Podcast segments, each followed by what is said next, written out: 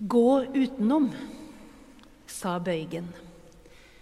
Bøygen er den gåtefulle stemmen som opptrer i dramaet Per Gynt av Henrik Ibsen. Stemmen dukker opp i mørket og skal få Per til å gå en lettere vei. Gå utenom, Per. Den er stor, den heien. Bøygen er fristeren som peker på tilsynelatende bedre alternativer. Lettere. Den representerer en motkraft som Per må kjempe imot, og som holder han fast i en indre kamp. Skikkelsen Bøygen har Ibsen henta fra norske sagn og eventyr, og da opptrer den ofte Bøygen i en form av en orm eller en slange som stiller seg i veien for folk.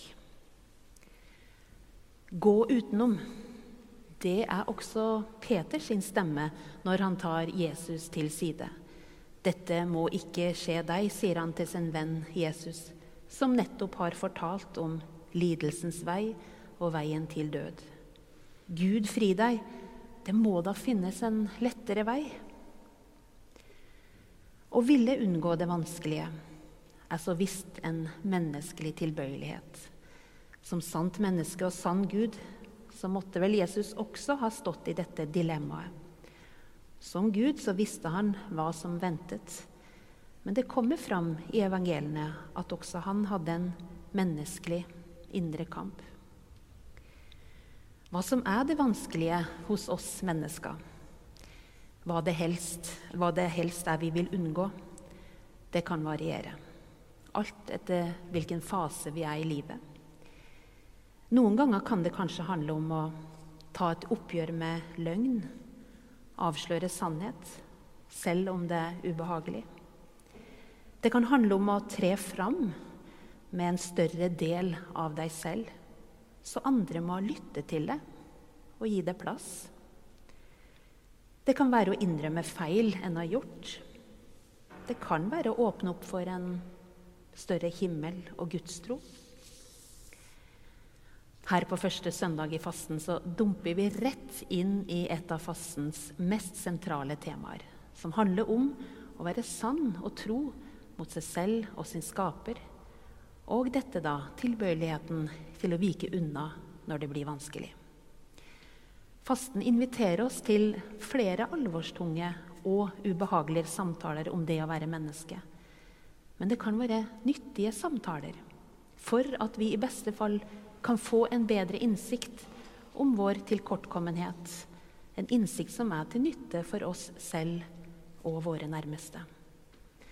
Å komme til en slik erkjennelse om vår utilstrekkelighet kan gjøre at vi som troende kan erfare kraften i å venne oss til Guds sønn, den sterke, som elsker oss til Gud, slik vi sang i salmen. Selvinnsikt var nok ikke Per Gynts sterkeste side. Men også i Ibsens drama er det kjærligheten, troen og håpet som gjør hel til sist. Det er kirkeklokker og salmesang som får Bøygen til å stilne. Han skjønner at Per var den sterke fordi han var elsket. Gå utenom fikk også Jesus høre. Men Jesus parerer. Nei, Guds vei til menneskene går gjennom lidelse og død for å vise at Gud tar del i vår menneskelighet for å komme helt nær. Jesus har temperament i teksten vår i dag. Han møter Peter med harde ord, syns jeg, og kaller vennen sin for Satan. Er ikke det som å banne kirka? Uhørt. Peter blir også kalt skandelon i den greske teksten. Og det er det samme ordet som vi har i skandale. Og det kan oversettes med snublestein. Det som gjør at den faller. Og Like før denne ordvekslingen så skriver Matteus at Jesus skal kalles for Peter Klippen. Den som kirken skal bli bygd på. Fra klippe til snublestein på kort varsel. Snakk om fall. Fasten minner oss om at det er en fare å bli for høy på seg selv.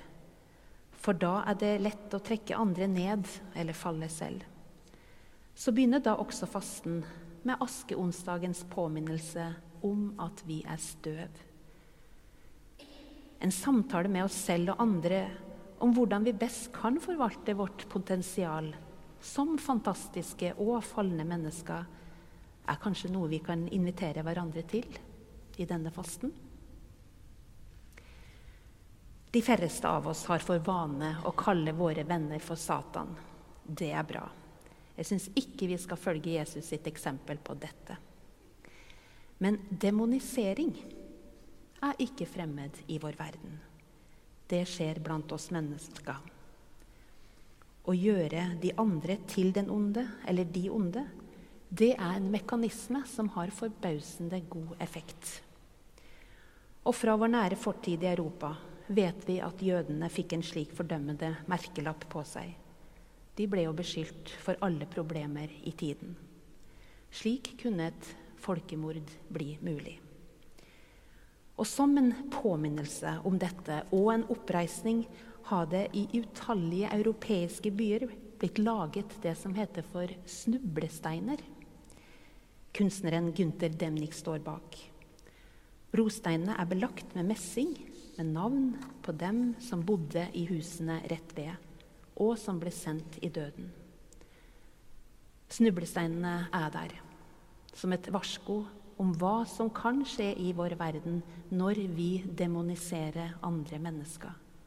For det er en skandale for vår felles menneskehet. Må det ikke skje igjen. Alternativet til å demonisere er langt vanskeligere. For det er å lytte til andres fortellinger, favne ulikheter og åpne seg for andres perspektiver. Det er den vanskelige veien, men nødvendige. Det gjør at vi kan se oss selv i et større fellesskap. Og det er også fastens tema. Se, vi går opp til Jerusalem i hellige faste tider synger vi i denne gudstjenesten. Hva er en god faste for oss i en luthersk kirke? Hvis vi søker på ordet faste på nettet, er det ikke den religiøse fasten som dukker opp på skjermen, men en ny helsetrend om å faste større eller mindre deler av dagen, avhengig av alder. Den helsemotiverte fasten lover bedre fordøyelse og slankere kropp. Er det det som er den rette fasten? I tidligere tider så knyttes det til regler å avstå fra visse typer mat i fasten som vi kjenner til. Og det er tradisjoner for å holde faste i Norge gjennom mange århundrer. I år markerer vi 750-årsjubileum for Magnus Lagabøters lov. I Gulatingslovens kristendomsbolk er det strenge regler for faste. For hvis en ble oppdaga i å spise kjøtt, måtte en bøte med tre merker smør til biskopen. Men hvis en ikke hadde noe annet enn kjøtt, så skulle en gå til naboen og by matskifte. Men hvis dette var uten hell, så skulle en spise sitt kjøtt for å berge livet. Slik ser vi at loven staker ut kursen for et nytt og mer barmhjertig Norge. Loven skulle tjene mennesket. Faste regler gjaldt, men med ny fremming av menneskeverdet. Se, vi går opp til Jerusalem. Å følge Jesus på denne veien er en vei til mennesket. Men det er en lidelsens vei, en vei som ikke går utenom.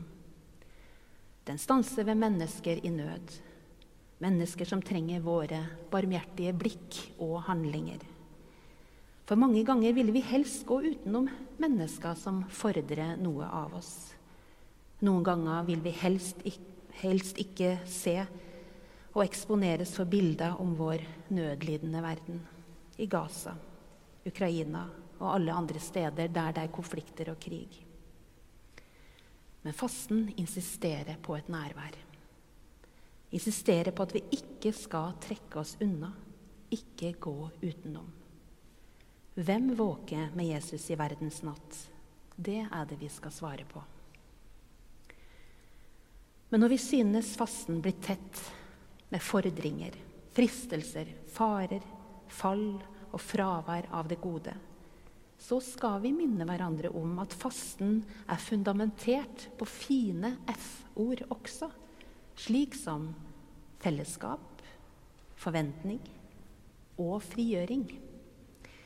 For fasten er mer enn å avstå fra visse typer mat eller pålegge seg selv noen nye leveregler.